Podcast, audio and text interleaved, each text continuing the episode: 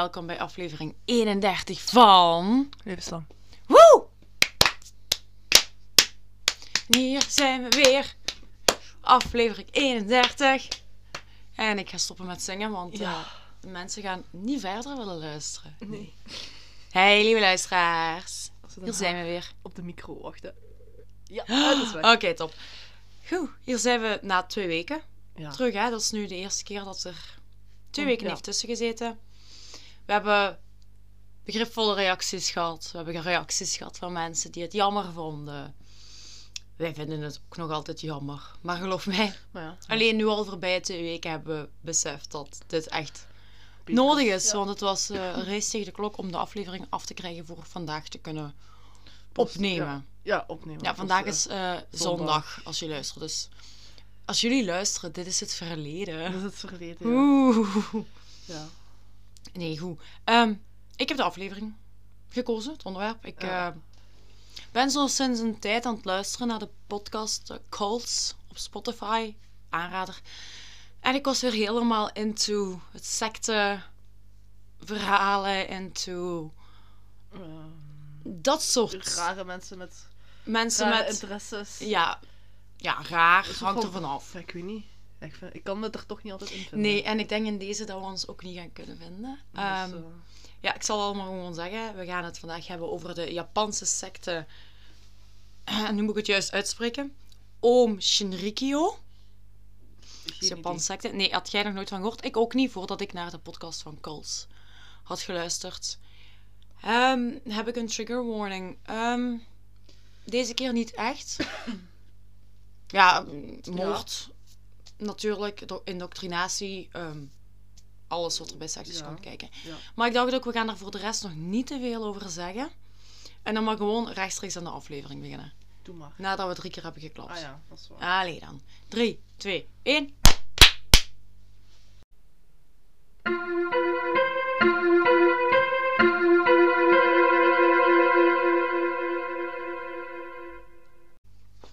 Goed, dus om te beginnen dacht ik, ik moet dit logisch indelen, want ik vind het niet altijd heel makkelijk om sectes uit te leggen. Dus om al even het overzicht te geven van het komende uur waar jullie naar gaan luisteren. Als het een uur gaat duren, dat weten wij nu nog niet. Eh, we gaan eerst even hebben over de persoon die deze secte heeft opgericht. Hoe dat hij daartoe is gekomen, wie het was, waar, hoe, wat. Dan gaan we het hebben over de leer van deze groep, van deze secte. Waar ze voor staan, waarom. Ja. En dan gaan we kijken naar hoe deze groep evolueert van klein naar iets groots. En Met... hoe het escaleert. Ja, en hoe het vooral escaleert. Nee, dat is goed. Goed. Ons verhaal begint op 2 maart 1955. Want dan wordt de jongen genaamd.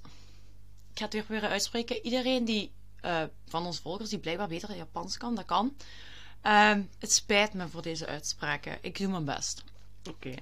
Dus op 2 maart 1955 wordt de jonge Matsumoto Shitsuo geboren. En dat als vierde zoon van een groot arm gezin in Yatsushiro. En Yatsushiro ligt in het Kumamoto prefectuur. En dat prefecturen, dat is gelijk wat wij ongeveer hebben als provincies. Dat is weer een prefectuur. Dus zij wonen in een, een prefectuur die dat, en ik heb het opgezocht, dat ligt zo onderaan in Japan. Helemaal onderaan. Ik heb Van nog niet eens echt een idee welke vorm Japan heeft. Dat is zo wat langwerpiger. Ah, oké. En van onder wonen zij. En nu, ik zeg een groot gezin, want hij had namelijk vijf broers en twee zussen. Ja, en hij was het vierde oudste. En nee, hij was de vierde zoon. Ja, oké. Want ze hadden ook dochters. Dat zijn er groot gezin. Groot gezin, ja goed. Nu, het was een arm gezin en het gezin verdiende de kost met het maken van tatamis. Ja, tatamis zijn van die matten. Ehm, Ehm, ja, matten. van die matten, ja. Welk materiaal? Geen Dat weet ik niet. Oh, oh god. Want tatamis zijn, dat- volgens mij zijn dat die matten zo waar dat, ze op die- slapen ook. Van die, Ah, van die hout dan die houten latjes of zo? Dat kan- ik, weet niet. Ze maken tatamis. Oké, goed. Ze maken tatamis. We gaan verder. Nu, Matsumoto die wordt geboren met een erfelijke vorm van een glaucoom. Was een glaucoom. Dat is een aandoening aan de ogen, waardoor dat hij volledig blind was aan zijn linkeroog. En met zijn rechteroog had hij nog ongeveer 30 procent. Heb je dan niet zo'n witte schijn? Ja, dat kan. Ja. Ja. Inderdaad, dat, daar had hij dus een erfelijke ja. vorm van. En al op vrij jonge leeftijd was Ja, hem dat eigenlijk nagenoeg blind. Op Ja. 30% van zijn rechter, rechteroog. Nou, nu, Ja, dat is niet veel. Ja. nee, we zitten in Japan, jaren 50. eh, nee, tegen dan jaren 60. Ja, ja. Arm gezin, hebben niet veel. En zijn vader kon dus ook geen goede opleiding betalen voor al zijn kinderen. Ja, hij had er ook veel. Ja. Dus dat was moeilijk. Dus hij stuurde Matsumoto naar een overheidsschool voor blinden en geen privéschool. Wat in Japan eh, is eigenlijk, allee, als je daar naar een privéschool kunt, dat is natuurlijk, Duur. ja, en, en ik Ja. denk in hun optiek misschien meer waard of zo, ik weet niet. Maar hij werd ma- maar naar een overheidsschool gestuurd, laat ik het zeggen Ja. voor blinden. Nu, hij was niet volledig blind, hè? maar die papa heeft dat zo wat kunnen verdraaien, Ja, wat verzwegen en zijn zoon daar binnen gekregen.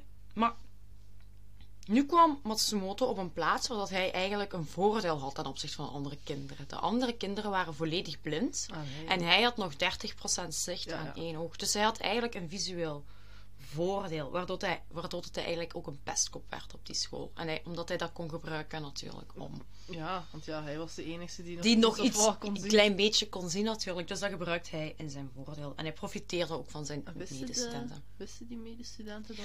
Ah, wel, dat heb ik niet kunnen vinden. Want het is dan wel dat zijn papa blijkbaar zo een beetje dat Ja, ja, eh, ja. Dus dan... Maar ik denk wel dat... allee, ja, eh, ik weet niet of die medestudenten dat per se konden weten. Maar ik denk dan misschien toch wel de leraren daar. Dat zou toch dat- wel iets moeten doorhebben dat hij niet volledig blind is. Ja. Want ja, dan kan die mensen echt wel goed voor de gek houden. Als die allemaal denken dat die volledig Ja, blind is, inderdaad. dan- Ja, oké. Geen, maar Ja. eh, alleszins, eh, het was eigenlijk misschien ook voor de eerste keer in zijn leven dat hij eens een voordeel had op anderen. Want normaal wordt dat gezien natuurlijk als een nadeel. Ja, Als een groot nadeel. Als ja, een, een van hun zintuigen valt weg. valt weg. Werkt Ja, goed. Nu, wat deed hij zoal? Hij gaf zijn medestudenten regelmatig eh, een pakslag. Zo Ja. ging hem, ja. En hij trok al dan ook geld af. Hm. Van van al dan Oké. daar zelf mee te gaan halen. En het interesseerde hem niet. En hij werd daardoor ook wel echt gevreesd door de anderen. Hij, Een beetje laf eigenlijk met blinden staan. Niet? Allee. Ja, überhaupt is, eh, is, is pesten. Ja, laf. ja, ja. Hoe dan ook. Maar inderdaad, dat weet zien dat niet aankomen. Allee, ja, dat, is, dat is erg, hè? Oh! Ja, nee, nee, nee, ik bedoel dat niet zo, hè? Hebben de woordspeling gehoord? Nee, nee, nee, nee, eh, die zien dat niet aankomen. Ja, dat nee, dat is het ergste van al. Ja. Ja, ik wil hier niemand niet... Allee, ja. Nee, nee, maar ik Ja, vind het wel een ja, goeie Die zien dat niet aankomen. Oké. Goed, nee, maar dat klopt inderdaad. Het is wel... Het is erg. Ja. Nu... Het rare was dus dat ze hem vooral zo kenden, maar hij bleek ook wel ook een heel bezorgde en behulpzaam kant te hebben. Aan de andere kant. Ja. Goed. Wat hem eigenlijk door die combinatie maakte dat hem heel onvoorspelbaar en heel onstabiel al vanaf heel jonge leeftijd. Ja, logisch. Ja, dat heeft deze... Hoe triestig het ook is. Ja, het is triestig, maar het is ook niet. Hij studeerde dan ook af aan deze school. Dat was een middelbaar, denk ik. Ja, middelbaar. En hij ging daarna acupunctuur en traditionele Chinese geneeskunde studeren. Acupunctuur. Ja, en je zou denken, dat is raar, maar in die Ja. tijd was dat iets wat heel vaak gestudeerd werd door slechtzienden. Aangezien dat die geen... Ja, die hadden te slecht zicht voor, voor de Te kijken, traditionele... gene- Allee, de, de, Dus die konden dat met voelen waarschijnlijk. Of Ja, weet ik veel. Weet je, hij wou eigenlijk heel graag gewone, allee, gewone geneeskunde Ja, gaan ja. leren, maar daar was zijn zicht te slecht voor. En in die tijd werd acupunctuur en traditionele Chinese geneeskunde heel vaak uitgevoerd door slechtzienden. Hm, Oké, ja. Kan wel. Ja, dus Ja, dan ging hij dan maar studeren, eigenlijk als, ja, moet ik het zeggen? Hij heeft geen andere keus. Ja, het is niet wat hem echt wilt, maar, Maar het is een optie. het is een optie. Ja, Ja, ja. In 1977, ze- 47, in 1977 studeert hij dan uiteindelijk af van deze richting. En dan besluit hij ook om een dagjaar naar Tokio te verhuizen om een nieuw leven te beginnen. Hij wilt meer. Hij wilt meer dan in dat dorpje Ja, ja. waar dat hem zit. Hij wou eigenlijk heel graag gaan studeren aan de Universiteit van Tokio. Dus hij wou toch proberen te gaan voor die geneeskunde, gewoon Ja. geneeskunde. Maar hij raakte niet door het ingangsexamen en moest zijn droom eigenlijk hier opgeven. Het, ging hem, het ging hem niet lukken en hier beseft hij ook ergens van dat hem dat dan, dat dan niet ging lukken omwille van zijn, omwille van zijn Zicht. blindheid. En, Ja. deels blindheid, Ja. grotendeels. Wat ja. Ja, inderdaad. Dus, dus Ja, daar moest ja, hij ja. wat opgeven. Nu, hij krijgt er ook wel eens positief voor, want in datzelfde jaar leert hij een vrouw kennen met de naam Ishiu Tomoko. En die leerde ik kennen eigenlijk op de pendeltrein richting de universiteit. Dus van waar dat hij in Tokio zat, naar de universiteit, daar zat altijd ook een vrouw Ja, ja. op de trein en hij leerde die kennen. Dus volgens hem was het eh, liefde op het eerste gezicht, no pun intended. Maar voor haar was het eh, iets minder. Zij vond hem aanvankelijk eigenlijk toch maar raar. Maar goed, hij gaf niet op. En zij is hem toch voor hem gevallen. sorry. Want in januari 78 trouwen de twee al. Ze kennen elkaar nog geen jaar. Vroeger ging het Ja, goed, sneller, maar het, het koppel trouwde in Maakt niet 78 en in 79 werd hun allereerste dochtertje geboren. In totaal zal het koppel vier dochters en twee zonen krijgen, waarvan het jongste kind geboren werd in 94. Even gewoon voor de beeldvorming, want we gaan daar niet echt op terugkomen op de kinderen of zo. Een 94. In 94 werd het laatste kind Ja. geboren. Dus Amai. in 79 het eerste en in 94 Wauw. het laatste. Dat is veel verschil tussen. Ja, het zijn dan ook wel zes kinderen. Ja, ja. Maar inderdaad, er zit wel redelijk wat, wat tijd tussen, inderdaad. Nu, en het was dan eigenlijk na de, na de geboorte van zijn eerste dochter, het eerste kind, dat Matsumoto eigenlijk wel zo besefte dat hem toch eens eindelijk Ja. geld moest gaan verdienen. Oh ja, Dat hem best. die universiteit gewoon volledig moest opgeven Ja. en dat het gewoon tijd werd om te Iets gaan. anders, ja, te gaan werken. Te gaan werken, want hij had, een, hij had een gezin te onderhouden voor dit punt. Nu, het, ko het koppel Koop. Het koppel woonde in Funabashi. Dat ligt op ongeveer 20 kilometer van Tokio, Mhm. voor beeldvorming. En hier openden ze hun eigen acupunctuur- en Chinese kruidengeneeskundepraktijk. Met hun twee. Mhm. De zaak was een succes. Kijk hoe. Allee, echt een succes. Het ging echt heel vlot. Maar Matsumoto, die, die, was, die was niet tevreden met alleen materiële welvaart. Dus ze had op zich een goed leven, ze hadden genoeg Ja, ja. geld, het ging. Maar hij wou meer. Het was voor hem niet genoeg. Hij wou namelijk op spiritueel vlak groeien. Dat materialisme, dat, inter- ja. dat, dat was Bijzaak. bijzaak voor hem op dat moment. En hij wou vooral spiritueel gaan groeien. En dat kon hem niet vinden in zijn acupunctuurpraktijk, Ja. volgens hemzelf. Hij was heel erg geïnteresseerd in religie en vanaf de jaren 80 begon hij met het actief beoefenen van religie. Gedurende deze tijd, en dan in 81, werd hij veroordeeld voor het beoefenen van een medisch beroep zonder licentie. Ja, dus in zijn praktijk wordt hem veroordeeld, hij had Ah, geen oké, licentie. ja, ja. Vraag me niet hoe dat exact was, dit kon ik niet heel duidelijk vinden, maar hij wordt dus vanaf, de jaren, vanaf 1980 begint zijn interesse in religie. In 91 wordt hem dan veroordeeld voor het uitoefenen van een medisch beroep zonder licentie en voor het verkopen van bepaalde medicijnen en drugs in zijn zaak, in hun praktijk. Oké. En daarvoor moest hij 200.000 yen betalen. En ik zeg dit even tussendoor vrij snel, maar dat is omdat het is goed mogelijk, ze zijn niet zeker, maar dat vanaf hier dat zijn obsessie met religie erger werd. Hij werd aangeklaagd, kwam eigenlijk wel in schulden terecht. Ja, ja. En kan zijn dat hij zich vanaf hier dan nog veel meer op die religie heeft willen storten. Dat zou we zien. Dat maar goed, ja. kosher was het dus Nee. niet 100%.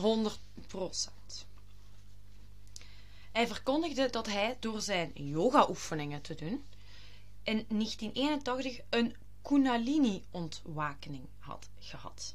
Ben, ben gaan moeten opzoeken wat dat Ah, was. oké, oké. Eh, ben er eigenlijk niet veel wijzer uit geworden, maar probeer. Dat is een soort van, ja, een soort energie van levenskracht. Oké. Ja? Ja, Die pas ja. kan ontstaan wanneer iemands chakras volledig open en helder zijn.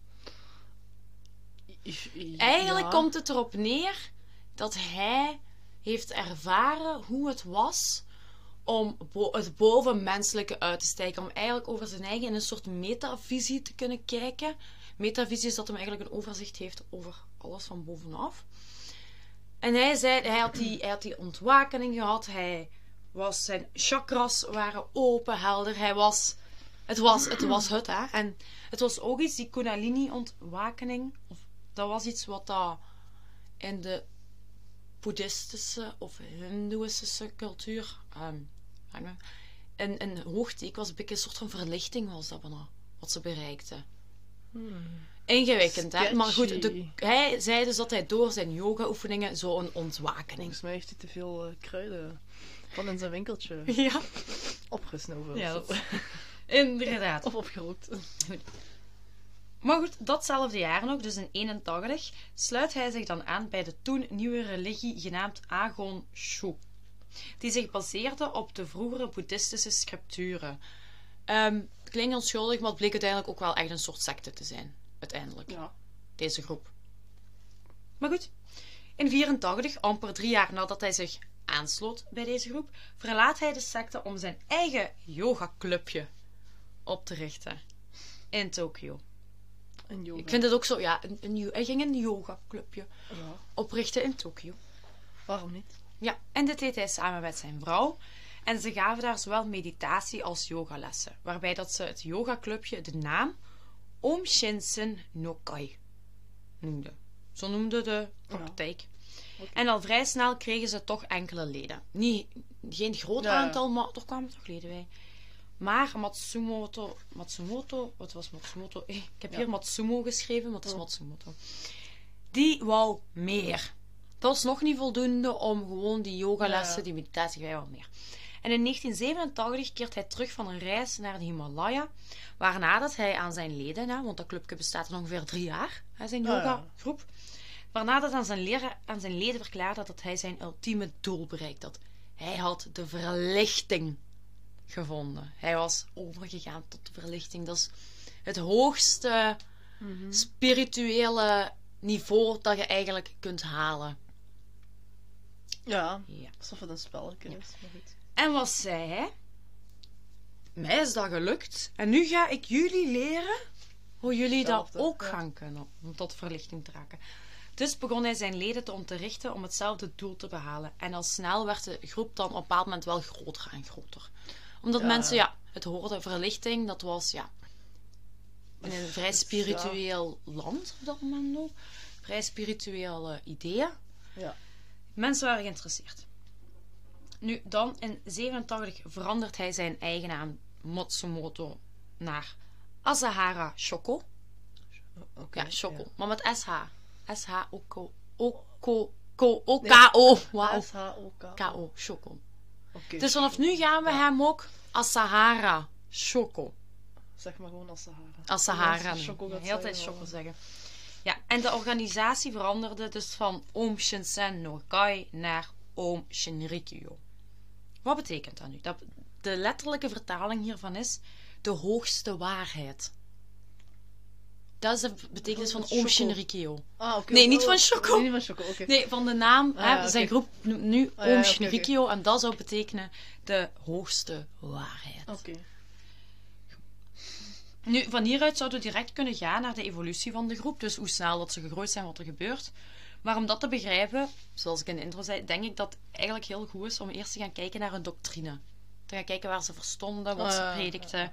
Dat Omdat dat de basis is uiteindelijk van de hele groep. En ook de Ja. basis wordt van op de manier hoe ze evolueren. Ja. Dus we gaan eerst eens kijken Ja. waar zijn ze. goed. Doe maar. De ideologie van Om Shinrikyo vond haar oorsprong in het boeddhisme, het hindoeïsme en in Japanse volksreligies, wat het dus tot een eclectische ideologie maakte. Eclectisch betekent eigenlijk gewoon een Samen- combinatie van verschillende religies en daar maak je je eigen soort. Ja, de dingen waar ze van. het meeste in Ja, dat vinden. halen ze uit de religies en dat voegen ze samen tot een Iets soort nieuws, nieuwe ja. religie. Oké. Dus dat is wat ze bedoelt met een eclectische ideologie. Moeilijk woord. Door deze elementen samen te voegen, wordt er een soort dus eigen religie binnen de groep gecreëerd. En er waren twee heel belangrijke punten in de visie van Asahara. Het eerste was de schepping en de vernietiging van het universum. Dus een soort begin en einde. Ja. Dat was het eerste belangrijke punt. En het tweede belangrijke punt was het doel voor het verkrijgen van de ultieme gemoedstoestand.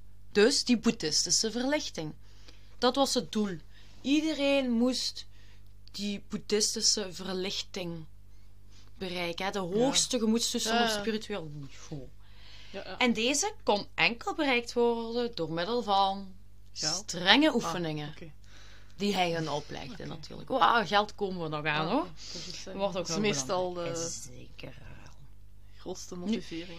In principe, volgens de officiële, of officieel de echte boeddhistische eh, Ja, ja. teksten, is, zijn er eigenlijk meerdere manieren mogelijk om tot die verlichting te komen. Er is niet één vast straminen, eh, behalve bij Asahara. Hij zei natuurlijk dat er maar één Ja, manier. juiste manier was om dat te bereiken. En dat was zijn manier.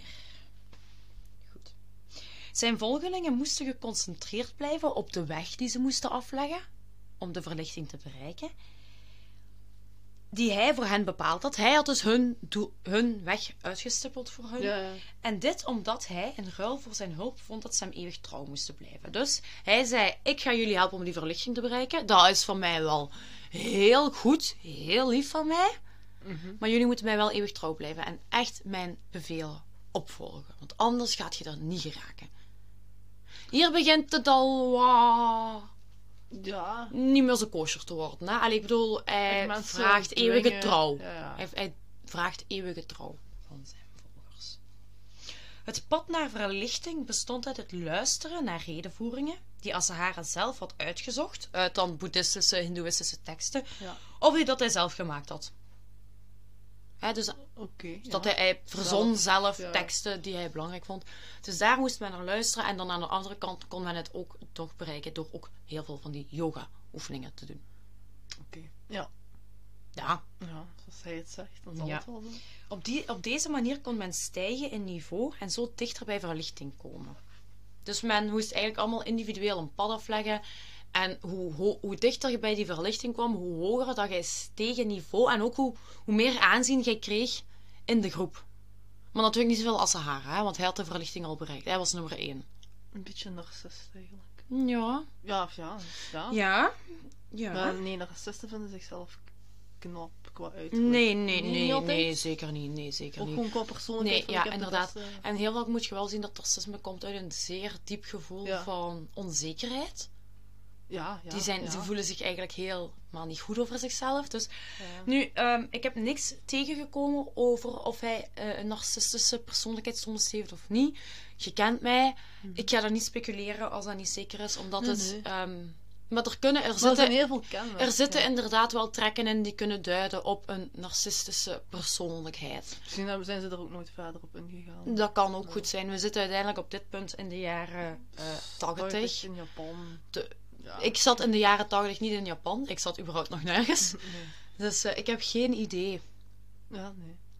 Maar inderdaad, ja, je kunt wel stellen dat er hier beelden, allee, toch waanbeelden aanwezig zijn. Of, of een roeping naar iets hoger op een destructieve manier. Ja, Maar ja, dan gaan we nog zien wat er precies gaat gebeuren.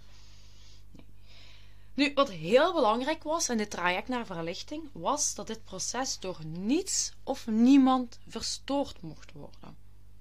Dus nu gaan we al naar Cult 101. Wat is het eerste wat je doet? De leden mochten geen enkel contact hebben met de familie ja. of buitenwereld, Ja. vrienden. Niemand. Ja. Dat is echt stap 1 Ja. van een cult zonder ze af. De groep leefde hierdoor dus in afgesloten communes. En als je daar lid werd, dan zei ze, dan zijt je lid voor het leven. Dus je kunt er niet uitstappen. Dat gaat niet. ja, dat is gelijk bendes. Ja, inderdaad. Ja. Dan zijt je ook eigenlijk een soort bendelid Ja, voor het leven. Je raakt er niet Je raakt er niet zomaar uit. ja, alleen dood of... En hier ja. gaan we inderdaad zien dat je er ook niet zomaar Oh. Maar goed, hè, dus die leefden dan in afgesloten communes. En. En dat ander. Ah ja, en je was lid voor het leven. Oh wauw. Goeie research. Ook predikte Asahara nog dat de wereld zou vergaan. Dus nu komen we bij de doomsday-praktijken. hè. En dat men hier alleen aan kon ontsnappen door te leven volgens de normen Ja, en waarden en de, religie van Om Shinrikyo. Ja. Nummer 2 van een typische secte 101. Maak er een doomsday cult van. Zeg dat de wereld vergaat en dat jij de enige manier hebt Om, hen te redden. Ja. Dus ik precies een Ja. lezing aan het geven van hoe word je secteleider? Hoe richt je je eigen secte op? Maar goed. Ja, dus dat kwam er zo la- iets later bij dat hem dat begon te prediken van de wereld gaat vergaan, de doomsday. Nu, hij zelf natuurlijk kon wel veel. En hij zei dat hij van Japan een land van vrede, harmonie en spiritualiteit zou maken als de bevolking hem zou accepteren als hun grote leider. De hele Ehm. Japanse bevolking. Ja. Ehm, Hij zit voorlopig met een, een, een groep aan volgers, maar we zijn nog niet bij het land. Maar hij, hij predikte dit wel. En natuurlijk zijn volgers, ja, die gaan daar natuurlijk Ja, op in. Die denken ook dat hij hen effectief kan redden. In het denken van de groep ging men ervan uit dat de wereld eigenlijk sowieso slecht was. Ja, dat denken die meestal altijd. Ja, en dat het menselijke leven eigenlijk gewoon een lijdensweg was. Dat daar niks aan was. En men kon alleen maar van die lijdensweg af en het leven beteren door zijn doctrine toe te passen. Door de yoga-oefeningen, door te gaan voor die verlichting, door die strenge oefeningen uit te oefenen, door meditatie, door Ja, alles wat hij oplegt. alles wat hij Ja. zei. Hè? Dus de groep wordt eigenlijk van, als je eigenlijk kijkt naar het boeddhisme en zo, zijn dat heel vredelievende religies. En hij gaat hier eigenlijk zeggen: Ja. de wereld is slecht, het is niet goed. Mensen zijn sowieso aan het lijden. We kunnen ze dan maar beter bij ons halen om beter te worden. En zij die niet willen meedoen, dan komt Doomsday wel. Ja, Dan ja. sterven ze toch. Hè? Dus ja, vrij zwart-wit. Ja, ja. Ja. Nu, zoals ik al zei, had Asahara zijn we natuurlijk over zijn eigen, omdat hij de verlichting bereikt had, dat hij eh, natuurlijk nummer 1 van Oom Shinrikyo was. Af en toe ga ik ook gewoon Oom zeggen, maar dan. Ja. bedoelen we ook gewoon de groep. ja. Nu, Asahara ging nog wat verder en hij zei dat hij door die verlichting ook een paar speciale dingetjes kon. Zo beweerde hij dat hij helderziend was geworden door de verlichting en dat hij aan levitatie kon doen. Dingen laten zweven. Ah, ja, ja. Ik kon niet vinden of het dan ging over dat hij zichzelf of mensen kon laten zweven of gewoon objecten. Maar hij zei dat hij aan levitatie Is dat niet ook telekinese? Nee, dat is nog iets. Telekinese is dat je dingen kunt laten bewegen. Maar levitatie Ah, gaat gewoon dat hij zweven. zweven. Het gaat, ja, Ah. we zijn dat hij dingen kon laten zweven. Nu, na verloop van tijd veranderde de visie van het redden van de leden. Dus in het begin Ja. is het, wij gaan onze leden redden. En dat is het enige wat wij moeten doen. Wij moeten, iedereen die zich wil aansluiten, moeten we redden. Dat veranderde na verloop van tijd naar het willen redden van de hele mensheid. Oké. Dus grootheids Waanzin. Waanzin. Much. Ja. Iets in die aard. De hele groep verwierp het materialisme en rijkdom. Daar wou ze niet aan meedoen. Nee, dat is... Gelijk dat als aan het begin ook voor had dat hij uit dat materialisme niet echt veel haalde. ja. Dat hij spiritueel. Dus die hele groep die verwierp dat. En dat dan in combinatie met die yoga, meditatie en spiritualisme.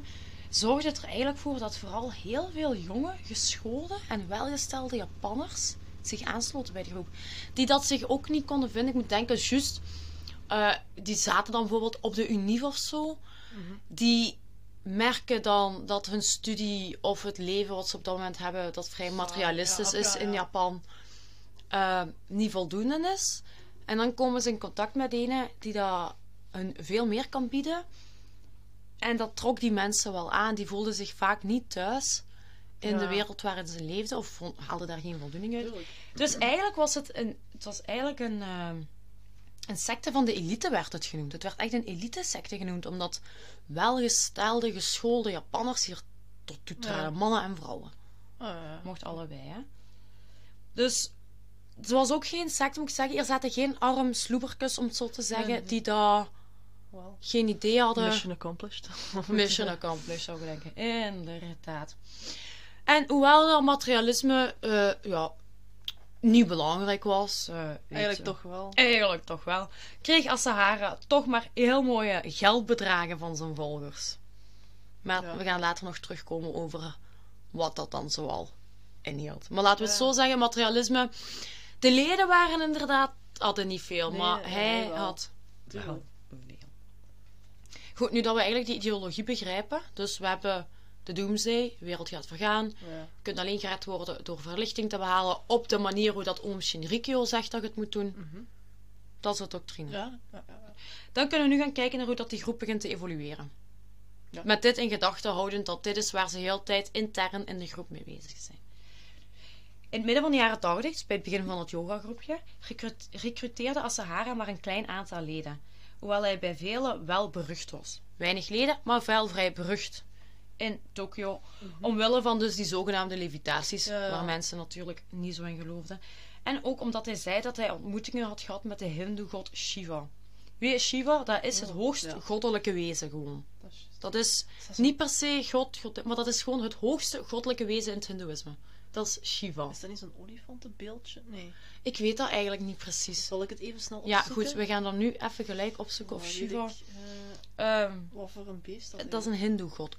Een hindoe-god. Misschien beest, dat is een hindoe-god. Oké, Shiva. Shiva. Ups. Oh, nee, het is... Het is Ik denk dat hij als heel veel verschillende dingen wordt uitgebeeld. Ga eens gewoon naar afbeeldingen van Shiva. Het is gewoon een vrouwachtig iets. Ah Of ja, dat of is die met die vele armen. Ja, ja, ja, ja. Oké, ja, voor de luisteraars, dat is eh, Shiva. Met Wordt, vier armen. wordt afgebeeld als vrouw met vier Of armen, nee, ja. een man. Nee, is Of is dat een man? dat is een man, denk ik. Is het het? Ik denk dat het er tussenin zit. Dus, eh, Het lijkt me er- noemt dat weer? Androgeen. Is, ja, ik denk, ik denk, aangezien het voor een godheid is, dat dat niet per se ook Ja. een geslacht moet hebben. Maar die vier Niet dat armen. dat wij wel dat moeten hebben, maar... Vier armen. Ja, goed, dat is Shiva. Oh, Zet zo'n foto. Ja, we zullen bij het beeldmateriaal zullen we een foto van Shiva Ja. erbij. Allee, een afbeelding. We hebben geen foto's van Shiva. Ja. En wat zei hij? Shiva zou hem de opdracht hebben gegeven om de ideale wereld te creëren. En deze zou noemen het koninkrijk van Shambhala. Oké. En hij zei dat Shiva hem had gezegd, ja, dat we doen. Ja, je moet ook wel begrijpen, heel veel mensen die dat hoorden, heel veel gingen daar ook niet op in. Hè. Die hadden zoiets van, wat is deze? Ja, ja, ja. Wat zegt jij nu? Maar goed. En daarnaast werd hij ook wel zo wat bekend slash berucht omdat hij een aantal ontmoetingen gehad had met een aantal religieuze leiders, zoals onder andere de Dalai, de Dalai Lama. Daila. De Dalai Lama. Dalai. Dalai. Dalai. Lama. Ja? Die dus. Ja, goed. Dan in 89 heeft oom, het groep, Ja, ja. al een aanzienlijk aantal volgers bereikt. En dat door lezingen aan universiteiten en ook het schrijven van boeken. Dus als Sahara heeft ook heel wat boeken geschreven, gepubliceerd. Ja, dat komt bij mensen terecht. En in Ja. 89, dan zijn ze vijf jaar bezig met hun eh, groep. Ja. Met, En dan- achtig. krijgen ze toch al een aanzienlijk aantal volgers. En het is ook in dat jaar, in 89, dat Oom Shinrikyo door de Japanse wet erkend werd als religieuze organisatie. Oké. Het is hun gelukt, ze zijn een religieuze Ja. organisatie geworden. En vanaf dan zie je eigenlijk ook dat, die, dat die- deze groep, deze dan bij nog niet helemaal secte, komt nog, ehm, echt een hele infrastructuur had. Letterlijk. Ja. Ooms hoofdkantoor lag in Tokio, met kleinere departementen in meerdere Japanse steden, als ook in andere landen. In Sri Lanka had, waren er in meerdere Ja. steden Oké. eh, Ja, vestigingen. En dan had je in Moskou, Bonn en New York City Duitsland. Oh, Ja, dus in eh, Rusland, Duitsland en Amerika had je ook departementen van deze Ja. secte. Dus hij ging ook wel al. Nu, in Fujinomiya, Fujinomiya lag het algemene hoofdkwartier met trainingscentrum van de groep. Ehm, ik heb heel veel zoeken, want ik was geïntrigeerd wat ze dan bedoelden met trainingscentrum. Hier werden lezingen gegeven, meditaties, Yoga. yoga's. Ja, ja. In mijn hoofd was er al een trainingscentrum, gelijk in de films van eh The Hunger Games. Het trainingscentrum was Nee, Goed, nee, dat was het dus niet. De secte was vrij bekend en berucht in Japan. En vooral bij de, dus die elite die daar heel erg geschoold waren. Ja, zoals ik al had gezegd. En in Rusland had ze rond 89, begin jaren 90, een 200-tal leden. In heel Rusland. Maar alle andere buitenlandse posten, alle andere buitenlandse Ja. bedrijven, die hadden eigenlijk weinig tot geen volgers. Maar Sahara, die zei natuurlijk dat het er wel veel waren. Maar eigenlijk deed ze het in, de, in, in Duitsland en in eh, Amerika Ja. kwam het niet zo makkelijk van de grond ja, ja. als in Rusland Of in eh, Japan. of in Japan en Sri Lanka en Ja. zo zelf. En vooral, vooral in Japan Ja. zelf. In 89 werd de secte dan eigenlijk meer en meer berucht omwille van de geruchten dat leden gedwongen werden om donaties te doen. En ook vanwege het vasthouden van volgelingen tegen hun wil. Dus dit kwam wel langzaamaan meer en meer naar buiten bij ja, degenen die niet in de secte zaten. En die dan wel... Allee, het was niet dat deze secte volledig... hoe ik zeggen, anoniem was. Er waren wel geruchten dat daar dingen niet juist liepen. Ja. En als we ook gaan zien, dan is dit zo een eerste reeks van heel veel dingen, zaken die mislopen in de secte. Ja. En daar wil ik dan nu eigenlijk ook graag op ingaan. Dat we eens gaan kijken wat dat er zo al aan echt sectegedrag gaande Ja. was Wat er mis is gegaan. in groep. ja. Nu, de zaken die, die ik dus nu ga vertellen, die, zijn, die komen oftewel van ex-leden van Om Shinrikyo, oftewel vanuit de media. Japanse krantenartikels, documentaires. Ja. Een beetje van overal. Ja. Nu, ik zei toch dat Asahara, hè, dat het materialisme verworpen zou worden, maar dat hem toch wel geldbedragen kreeg. Ja. En wel hierom. Asahara zou inderdaad hoge donaties eisen van zijn volgelingen voor vreemde rituelen uit te voeren. Wat bedoel ik met vreemde rituelen? Eh, er zijn rituelen geweest waarbij ze zijn haar en zijn badwater hebben gebruikt.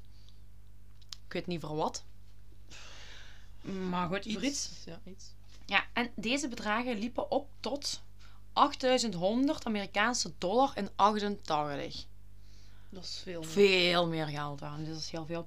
En dit, toeval, dit bedrag was dan specifiek voor een ritueel waarin men bloed ging drinken. Een bloeddrinkend ritueel. Niet lekker. Ik denk van een dier. Ja, Dat hoop ik. Goed. In mei 89 huurden een aantal ouders van de leden, hè, want ik moet ook weten, inderdaad, die recruteren daar van die jonge Ja, mannen, vrouwen, hoogopgeleide of nog studenten. Die moeten alle banden verbreken met hun familie. Ja, die Ja. ouders zitten daar nog, hè. Ja, ja, ja. Dus in 89 hebben er een aantal ouders grondig genoeg van. Willen die gewoon weten waar dat hun kind is. Ja, ja. En dan eh, schakelen een aantal van de ouders de advocaat Sakamoto Tsutsumi in om te dreigen met een proces. En dat zou dan een proces zijn dat de secte volledig bankroet zou achterlaten. Oké. Om in de hoop om hun kinderen Ja, ja, ja. uit die secte terug te krijgen. Nu, waarom kozen ze specifiek voor deze advocaat? Hij was een anti-secte-advocaat. Ah, Ja, dus dat was blijkbaar wel iets. Hij streed dan tegen. weet je al hoeveel dat er Ja. gaande is. En hij had ook heel veel kennis over toen nieuwe Japanse religies. Dus hij kon waarschijnlijk veel sneller inspelen op waar Om Shinrikyo voor stond, omdat hij Ja. gewoon heel veel wist over de nieuwere religies. Ja, ja. Waar Oké, Om Shinrikyo dan eigenlijk bij hoorde als nieuwe religie. Tuurlijk. Dan in oktober 89 liepen die onderhandelingen tussen de advocaat en de groep volledig stuk. En in diezelfde maand gaf de advocaat dan een talkshow-interview waar dat, eh, waar dat hij vertelde over wat er in de groep gaande Ja. was, dat niet goed was. En oom zette dan de tv-zender onder druk om het niet uit te zenden. Ja. Zij wouden dat niet. Tuurlijk. Tuurlijk willen die dat niet, hè. Logisch. Een maand later, in november 89, verdween de advocaat samen met zijn vrouw en eenjarig zoontje uit hun huis. Geen lichaam, niks. Oh. In het huis vond men dan wel bloed van de slachtoffers, als ook het insigne van de secte. Ja, dat is een bepaald hun logo, hun teken. Dat Ja, ga ik ook meedelen in het beeldmateriaal. Ja. En toch ontkende de groep alle betrokkenheid. Dus daar werd bloed van de slachtoffers. Hun logo werd gevonden, maar de groep zei: Wij hebben het niet gedaan. Mind you, we zijn in de jaren 80, hè? Ja, Dus? ja. Zonder lichamen had men uiteindelijk geen nee. harde bewijzen om oom aan de zaak te linken. Nee, Dus logisch. konden ze ook niks doen, dus werd de groep met rust gelaten. Maar de groep was wel eigenlijk content met de hoeveelheid publiciteit dat ze kregen, want publiciteit betekent volgers. Ja, Hopen ze dan toch. ja. Was ook zo. Ja, die groep wordt maar groter en groter. Dan, in augustus 89, schrijft de krant Sunday Ma- Ma- Mainichi een zevendelige serie over de groep Oom Shinrikyo. En hierin wordt beschreven dat er verklaringen waren die stelden dat de leden gescheiden waren van hun familie, dat ze geen enkel contact mochten hebben met de buitenwereld en dat de kinderen er geen goede opleiding kregen. Werd allemaal getoond in de documentaire Hm.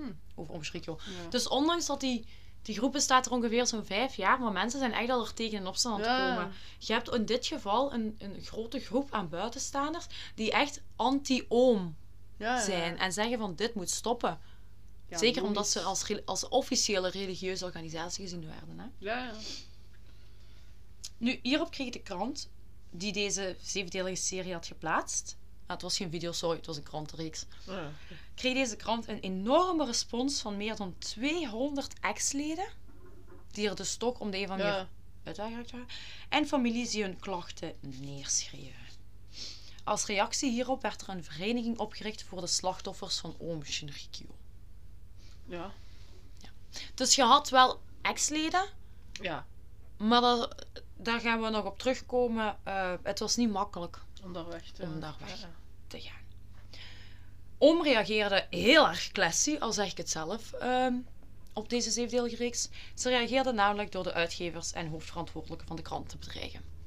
Ja, Very classy, Asahara. Very classy. wat doet je anders? Ja. Goed, die groep blijft groeien en nu gaan we naar de jaren 90, hè? Dus vanaf 84 bestaat Oom Shinrikyo Ja. en ze gaan verder en verder. Dan in februari 1990 stelde Asahara zichzelf en 24 andere leden verkiesbaar voor de Kamer van Volksvertegenwoordigers in Japan. Ja. Zo belangrijk Ja, vond hij. wou hij zijn. Ja, vond hij dacht hij dat ze ja. konden zijn. Nu ja, dit flopte aangezien dat de bevolking in opstand kwam omwille van hun verafgoding van Asahara dus. Was ze zoiets van hallo, hoe kan dit? En ook omdat hun lust naar macht heel duidelijk was voor omstaanders. Dus de groep maakt hier eigenlijk vooral meer vijanden mee. En meer Ja, ja. tegenhangers Dan- dan aanhangers.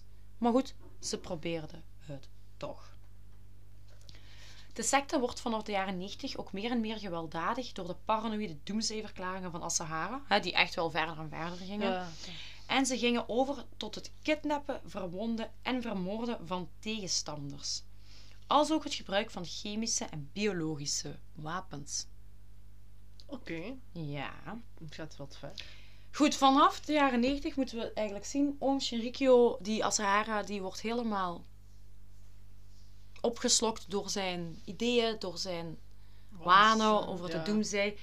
En ze komen eigenlijk een beetje op een idee van mensen lijden toch. ehm, die mensen zijn tegen ons. Ja, wat moeten wij doen met tegenstanders? Die moeten weg. Het weggeruimd worden. In april 9 1990 probeert Oom een eerste aanval met massawapens uit te testen. Oké. Wat houdt dat in? Ze reden met trucks die volgeladen waren door botulismegif. Geen Een soort, een soort gif. Dus die hadden allemaal trucks volgeladen met botulismegif dat ze via grote vernevelaars versproeiden doorheen Tokio, Yokosuka, Yokohama en Narita. Vier plaatsen, vier steden in Japan. Waar dat ze dus met trucks volgeladen met een soort gif, een gas, Oké. eh, rondreden en dat vernevelde via de lucht. Dat is, ja. Ja. De aanval mislukte. Maar een aantal burgers raakten toch gewond. Als, en de reden waarom dat ze deze eerste aanval hebben uitgevoerd was omwille van een zware politieke verliezen als groep. Hoe noemde dat gif weer? Bol... Bo botulisme. is het. Ik zal het even opzoeken, vertel maar verder. Dan weet ik het zelfs te Oké. zeggen. Ik ben wel benieuwd eigenlijk wat het is. Ja. En dit was ook zeker niet de eerste of de laatste keer dat hij op deze manier zou proberen om de bevolking te doden. Hij heeft namelijk, ze hebben namelijk negen mislukte pogingen uitgevoerd met biologische massa-wapens. Oké. Heb je al iets gewonnen? Veel, het wordt, ik denk veel bij dieren gebruikt. Ja? ik. Botulisme? Eh, wordt veroorzaakt door toxinen. Die worden geproduceerd door de bacterie. Of wat is dit nu voor een woord? Door een bacterie? Door Clostridium. Ja, wat, whatever. Ah, verlamming. Verlammingsverschijnselen van het voorste deel van het maag-darmkanaal, keel en tong. En of de achterhand zijn van bij. Oh, wat staat hier? En of. Ja, het Het, ja, het, het geword is verlamd. Je verlamd. Ah, maar oké, maar eh, wij gaan kijken naar de andere soort wapens die ze gebruiken. Het gaat altijd eigenlijk om, om dit soort Ja. dingen. Maar goed. Oké. Dus die hebben negen mislukte pogingen uitgevoerd. We gaan daar een paar van bespreken. Waarin dat ze dus op deze manier met, ga, met gassen Ja. proberen mensen om te brengen. Omdat het mislukte, ging Asahara verder werken aan de ontwikkeling van biologische wapens om zo effectiever te worden. Dit deed de groep in West-Australië.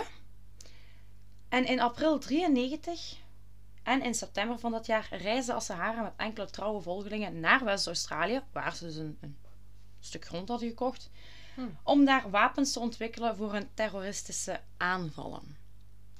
Ik zeg terroristische aanvallen omdat de groep inderdaad door Ja. wat er komt, de massa-aanvallen, het, wordt, het gezien wordt als een terroristische, Ja, als een ja. terreurdaad. ja, tuurlijk, die willen andere mensen gewoon van de kaart. Dan in juli 93. Moeten we al zien, de eerste aanval was in 1990. Hè? Ja. Dus ze zijn drie jaar bezig met het perfectioneren. Ja. En in juli 93 voerde oom Sherikyo een anthrax-aanval uit. Oh, Daar hebben we pas een documentaire over gezien. Anthrax is, is ook een bacterie. een bacterie, ja. Het is een bacterie. Waar men ook aan komt te overlijden. Ja, als je er niet tijdig bij... Het valt te redden als je er tijdig... Tijdig bij zijn, hè. Maar, Wat het weer deed, geen idee. Maakt ook niet uit, denk ik. Ja, goed. Nu, hoe deed ze dit? Ze eh, hadden eigenlijk heel grote hoeveelheden besmette vloeistoffen verspreid over Tokio. Door zo te sprayen. Ja. Ah, ik zit hier met mijn hand te sprayen, maar die hadden van die heel grote eh, installaties. Ah, Waarmee dat ze besmette vloeistoffen rondspreiden Oké. doorheen Tokio met anthrax. Ja, in. want wat wij hadden gezien was een poedervorm. Dat was een poedervorm. Nee, dit was een liquide vorm dus. Ook deze aanval faalde en niemand raakte gewond. Dus oom ging nog verder, want het moest ergens lukken. Eind 93 begon de secte stiekem met het maken van saren. En dat is een zenuwgas wat u ook verlamt. Mhm. En later ook nog de, het gas VX. En dit is eigenlijk het krachtigste zenuwgas dat bestaat. VX. Even duidelijk maken, zenuwgas, wat doet dat? Dat verlamt u. Mhm. Waarom is dat dodelijk? Binnen x aantal minuten is uw ademhalingsstelsel verlamd. Ah, en ja, stikt je. ja. Dus dat is waarom eh, dat men sta- Als men zich afvraagt, hoezo kun je aan dat gas sterven? Dat verlamt uw ademhalingsstelsel. Ja, En jij stikt. Jij stikt Ja. eigenlijk. En ja. dan denk je uiteindelijk ook je hart, want dat is ook een spier. Ja, dat- inderdaad, alles wordt verlamd. Maar het is eigenlijk het belangrijkste hier, dat uw ademhalingsstelsel wordt verlamd. En dat hebben ze... eh, dat gif, die sarin en die VX, hebben ze uitgetest op schapen in Australië. op Oh, hun dingen. arme schaap. 29 schapen zijn erbij gestorven. Oh, oké. Dat is wel zielig. Dat moeten we niet vergeten. Heel ziel. Sorry. Sorry. Hmm. Ik heb het toch gezegd.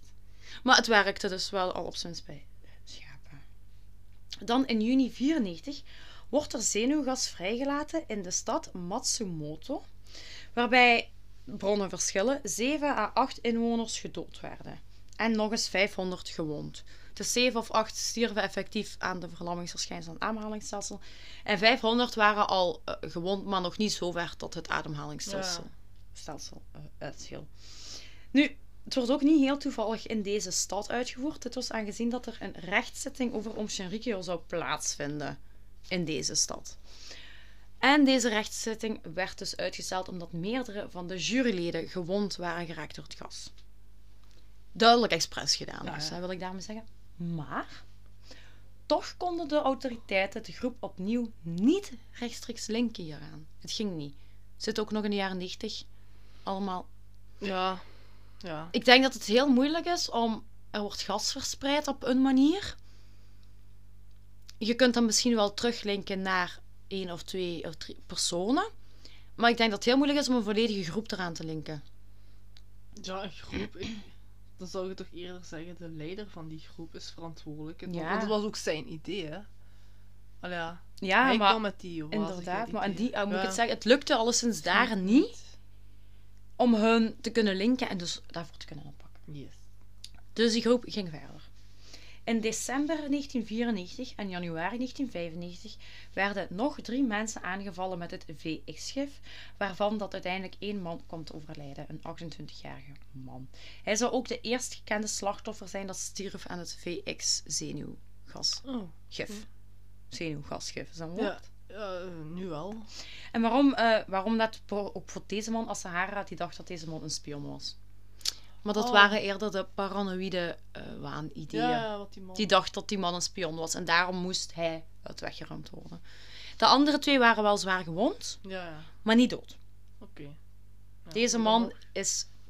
ehm, het was namelijk zo blijkbaar dat er twee leden van de groep achter hem liepen, ehm, hem hadden aangevallen en dan ehm, iets op zijn, in zijn nek hadden gespoten of zo met dat gif. Mhm. En hij zou nog zijn weglopen, maar na x aantal meter viel hem gewoon neer. Oh. Ja, dus hij werd eigenlijk, ja, Ja.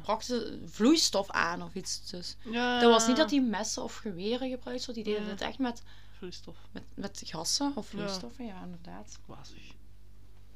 Goed, ook bij deze drie aanvallen kon men oom Shinrikyo er nog niet aan linken. Dat komt weer later pas. Nu, wij weten het nu, hè. maar op dat Ja. moment moet je weten dat, je het niet weten? dat de, de overheid dan nog niet weet dat dat door hun gedaan wordt. Hè. Dan in februari 95 wordt Kariya Kiyoshi in Tokio op straat ontvoerd. Belangrijk, er zijn twee versies van dit verhaal. Ik weet niet welke klopt. Ik ga ze allebei vertellen. Mhm. Als eerste zou het kunnen zijn dat Karia Kiyoshi's zus lid was van Oom Shinrikyo en dat die, zijn zus een groot deel van het familiebezit aan de secte wou schenken. Waarop dat die Kari, eh, Karia Kiyoshi daarop tegen zou zijn en als reactie daarop zei, zou hij ontvoerd en vermoord geweest zijn door leden Ja. van Oom Shinrikyo. Dat is één verhaal. Het andere verhaal is dat zijn zus ontsnapt zou zijn geweest uit de groep, uit Oom. Ah, ja. En dat ze wraak hebben genomen door hem te ontvoeren, ook omdat ze de, het meisje niet meer konden vinden. Eén van die twee verhalen is het. Wat komt erop neer? Hij werd ontvoerd tot de groep. Daar komt het op neer. Ja. Om welke reden dan. Zou ze alle twee kunnen zijn, zo Ja. gek zijn ze wel. Inderdaad. Maar wat we wel zeker weten, is dat hij een briefje had achtergelaten bij zijn thuis waarop stond, en ik quote, Als ik verdwijn, ben ik ontvoerd door Oom Shinrikyo. Ja. Goed. Later, in maart 95, dat is een maand na de ontvoering ongeveer, worden er drie leden opgepakt voor poging tot ontvoering van een universiteitsstudenten die de secte wou verlaten. Dus nu kunnen ze echt mensen op heterdaad betrappen. Hè? Ze hebben Ja. hier drie leden kunnen oppakken. En nu, vanaf hier hadden de autoriteiten dan ook een reden om zich wel eindelijk te kunnen richten op de groep en om actie te ondernemen. En nu hadden ze eindelijk echt iets tastbaars. Ja. Ze hadden drie leden opgepakt. Ze hadden de studenten die dat vertelden over de groep. En de politie maakte plannen om meerdere Japanse vestigingen van Oom Shinrikyo binnen te vallen. Maar al snel zal de secte hun meest beruchte gasaanval ooit uitvoeren als reactie hierop. Zij zijn dus getipt geweest. Ik zeg iedere keer van, er, moet, er gaat iets bepaald gebeuren waarna alles boven water komt. Dat wat gaat gebeuren, gaan we nu over hebben. ja. Nu gebeuren. Het is 20 maart 1995 wanneer vijf oomleden elf gevulde zakken met saren, dat zenuwgas, meepakten die verpakt waren in krantenpapier. En ze namen die mee in, op de, in de Tokyo metrostelsel tijdens de ochtendspits. Vijf leden, elf zakken gevuld met gas. Ze waren verspreid over vijf verschillende stations doorheen de metro van Tokio. En ze hadden ook eigenlijk allemaal dezelfde modus operandi. Bij, ze gingen, ik zeg wel, het is een metrostation, maar de aanvallen zijn uitgevoerd op een trein, blijkbaar. Oh. Maar goed, dat was heel onduidelijk. Maar de aanvallen zouden uitgevoerd zijn op treinen, want dat was wel een metrostation. Misschien kwamen die daar kwamen die daar langs. allebei langs. Ja, kan altijd. Goed. Wat deed ze dus? Zij gingen dus die trein op met die zakken. En dan bij het verlaten van de trein doorprikten de leden de zakken met een paraplu. Waardoor het gas kon ontsnappen op de trein en zij vluchtten van de trein af en die zak bleef staan. Ja. Reed verder. Dat gas Ja, begint zich te te verspreiden. verspreiden. De lekkende zakken bleven dus op de treinen liggen die dat hun route vervolgden. En het ding met gas is, dat heb je niet meteen door. Dat niet. Het had wel een geur. Het stonk blijkbaar wel. Ah ja, maar, Maar je dat hebt het niet meteen. weet van waar dat komt. Inderdaad. Wat gebeurt er? Dat wordt dus op vijf treinen tegelijk Ja. gedaan eigenlijk. 13 mensen worden gedood. 54 mensen worden zwaar gewond. En 980 mensen raakten licht gewond. Hoewel, ik ga hier nu, men spreekt zelfs over gewonde cijfers tussen de 5 en de 6000. Maar de exacte aantal zijn niet geweten, omdat de mensen daar heel ehm, eh, niet snel naar voren kwamen om, om dat te, te bekennen dat ze slachtoffer waren van Oh, er was heel veel tegendingen om naar voren te komen als slachtoffer daarvan. Dus daardoor weet ze niet de exacte aantallen. hmm. Veel mensen waren... Misschien schaamde die zich. ja, ik weet het- niet. ik weet het niet. Maar al sinds... De exacte getallen weten we niet. Dit van die 13 doden, 54 zwaar gewonden, 980 lichtgewonden, dat is 100% zeker. Ja, Maar het gaat dus over getallen tussen de 5 en de 6000 misschien zelfs. Want dat, Ja, dat gas verspreidt zich ook ver. Hè? Dat Want- is ook niet alleen... het lijkt me eigenlijk... Ja, misschien raar dat ik dat zeg, maar 13 doden misschien nog weinig. Ja, ik, Heel weinig. Al ja, ja dan ik, moet je... ik vind ja. het ook... Het, het lijkt heel weinig, Weinig. ten opzichte van de gewonden. Maar Ja, Het hadden veel meer doden kunnen zijn. Tuurlijk. Maar wat was het? De aanval was niet goed voorbereid. Ah.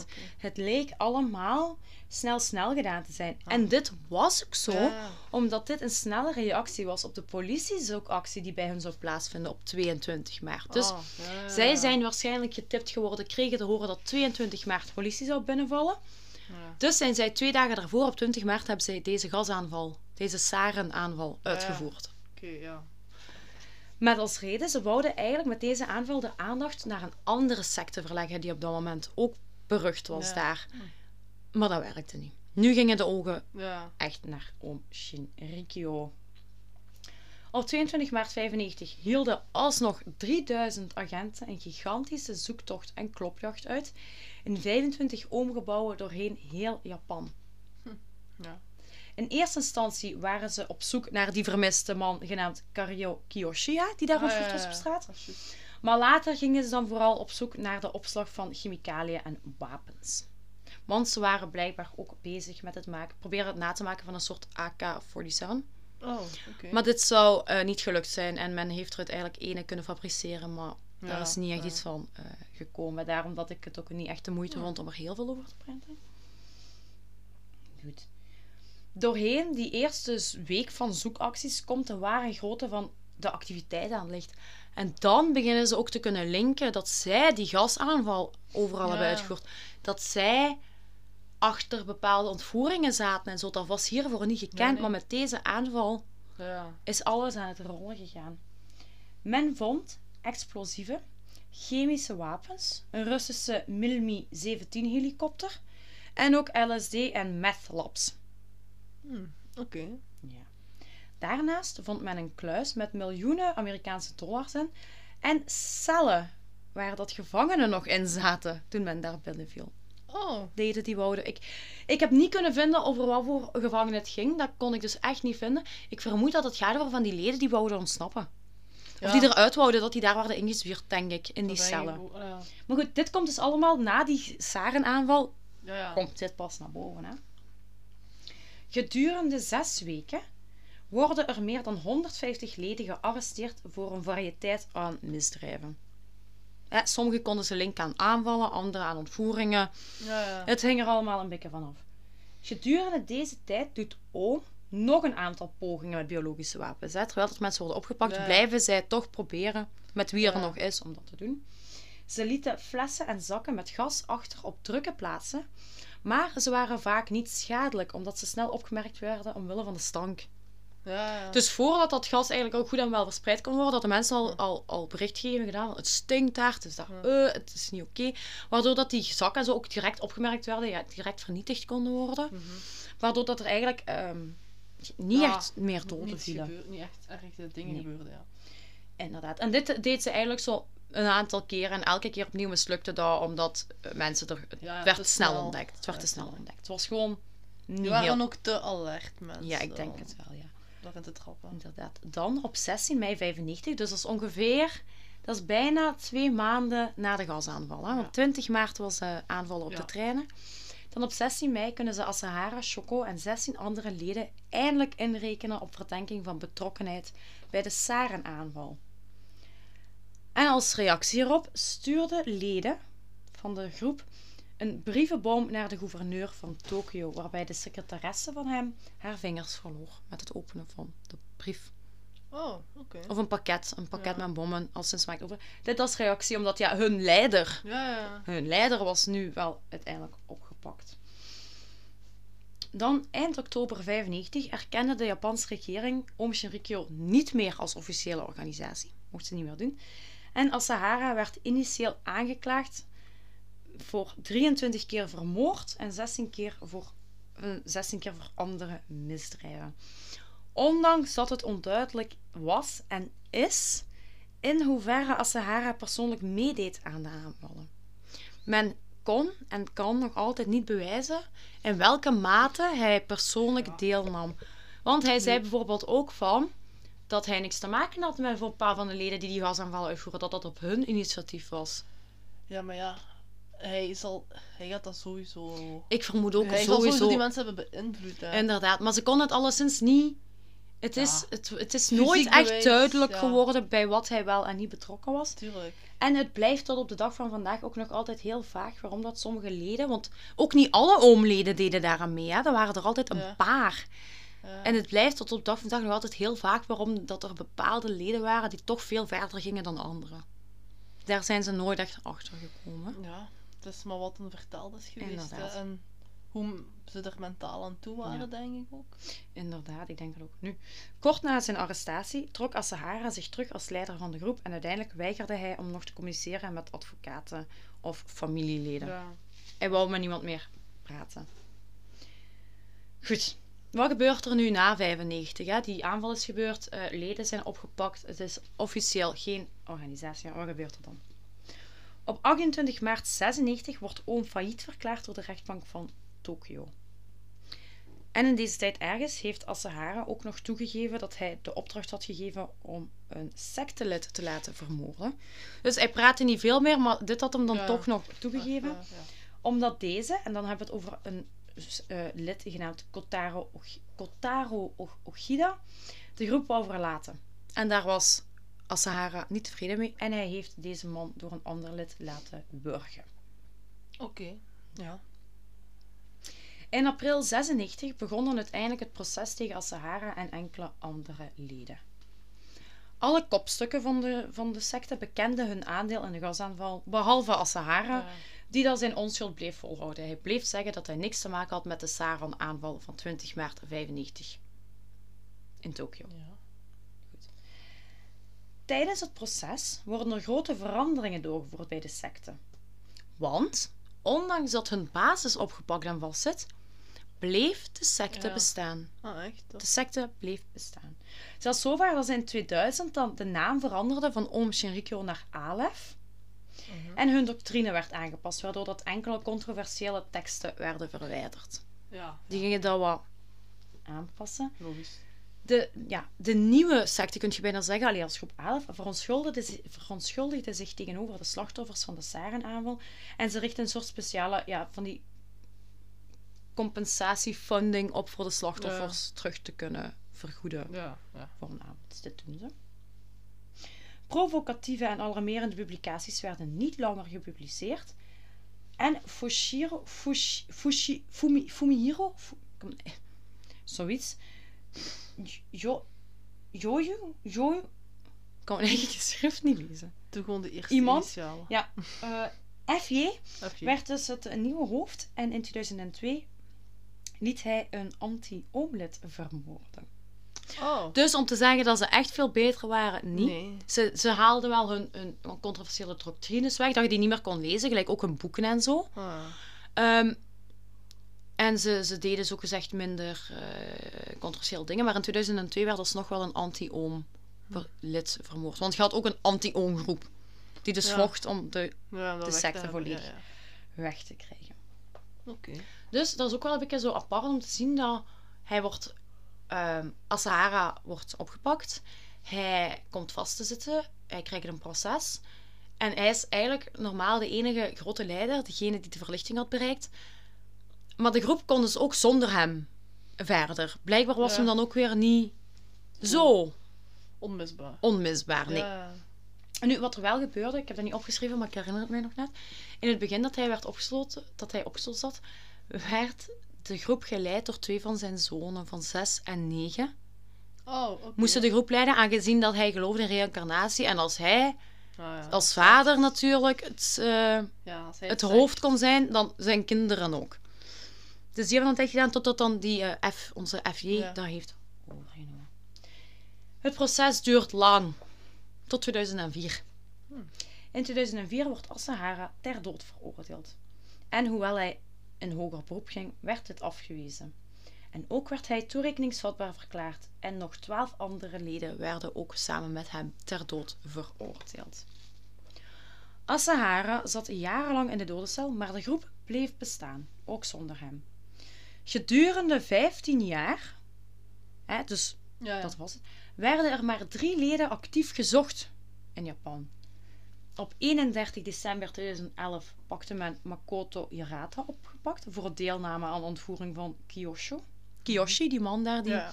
eh, ver- ontvoerd en vermoord is geweest. Dan op 3 juni 2012 konden ze Naoko Kikuchi oppakken, ook een sectelid. En op 15 juni 2012 ook nog eens Katsuya Takahashi. Het zijn enige drie leden die eigenlijk in die 15 jaar nog Ja. zijn opgepakt.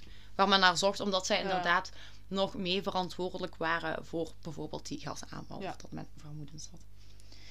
Na jarenlang in de dodencel te hebben gezeten, wordt Asahara samen met zes andere leden geëxecuteerd op 6 juli 2018.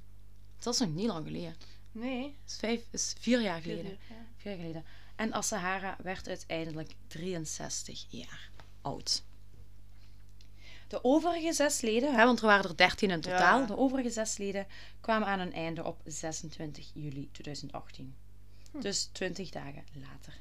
De assen van Asahara zijn op dit moment staan die nog ergens opgeslagen, zodat niemand eraan kan van leden die hem Ja. nog willen vereren of zo. Ja. Maar vanaf dat het kan, gaan zijn assen naar zijn jongste dochter toe, op wens van hemzelf. Ja. En de, die dochter, ondanks dat ze dan wel die assen krijgt, zij pleit ervoor om een einde te maken aan de secte. Dus zijn jongste dochter zegt, stop hiermee, dit kan niet. Ja. Onschuldige mensen la laten het leven, families worden verscheurd. Ja. Dus het is niet omdat zijn dochter de assen gaat krijgen, zij staat niet achter nee, het nee. idee van haar vader. En dan rest ons eigenlijk vooral nog een beetje kijken naar wat de huidige status van de groep is. Hè? Ja. Zoals gezegd had Alef zich gedistanceerd van hun leider en hun verleden, maar ze blijven tot op de dag van vandaag nog altijd actief. Alef bestaat nog altijd. In 2011 zei de groep dat ze nog ongeveer 1030 leden hadden. En het was vrij duidelijk dat ze via sociale media nieuwe leden probeerden aan te werven. Straks eens opzoeken. Ja. Zoals dat bestaat. Dan, Effectief. in 2015, eh, werd verklaard dat de groep ging splitsen.